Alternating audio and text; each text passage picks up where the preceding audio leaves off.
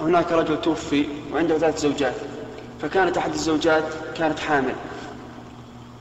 فلما مات الزوج وضعت بعد عشرة أيام.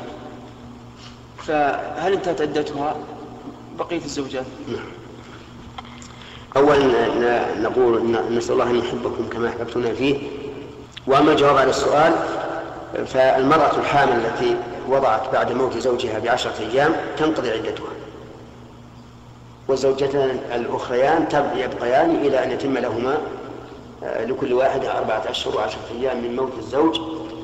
ومن كانت حاملا تنتظر حتى تضع الحمل دليل هذا قول الله تبارك وتعالى وولاة الأحمال أجلهن أن يضعن حملهن وقول في غير الحوامل والذين يتوفون منكم ويذرون أزواجا يتربصن بأنفسهن أربعة أشهر وعشرة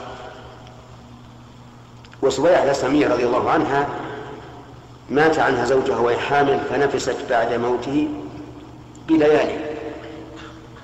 فأذن لها النبي صلى الله عليه وسلم أن تتزوج. نعم.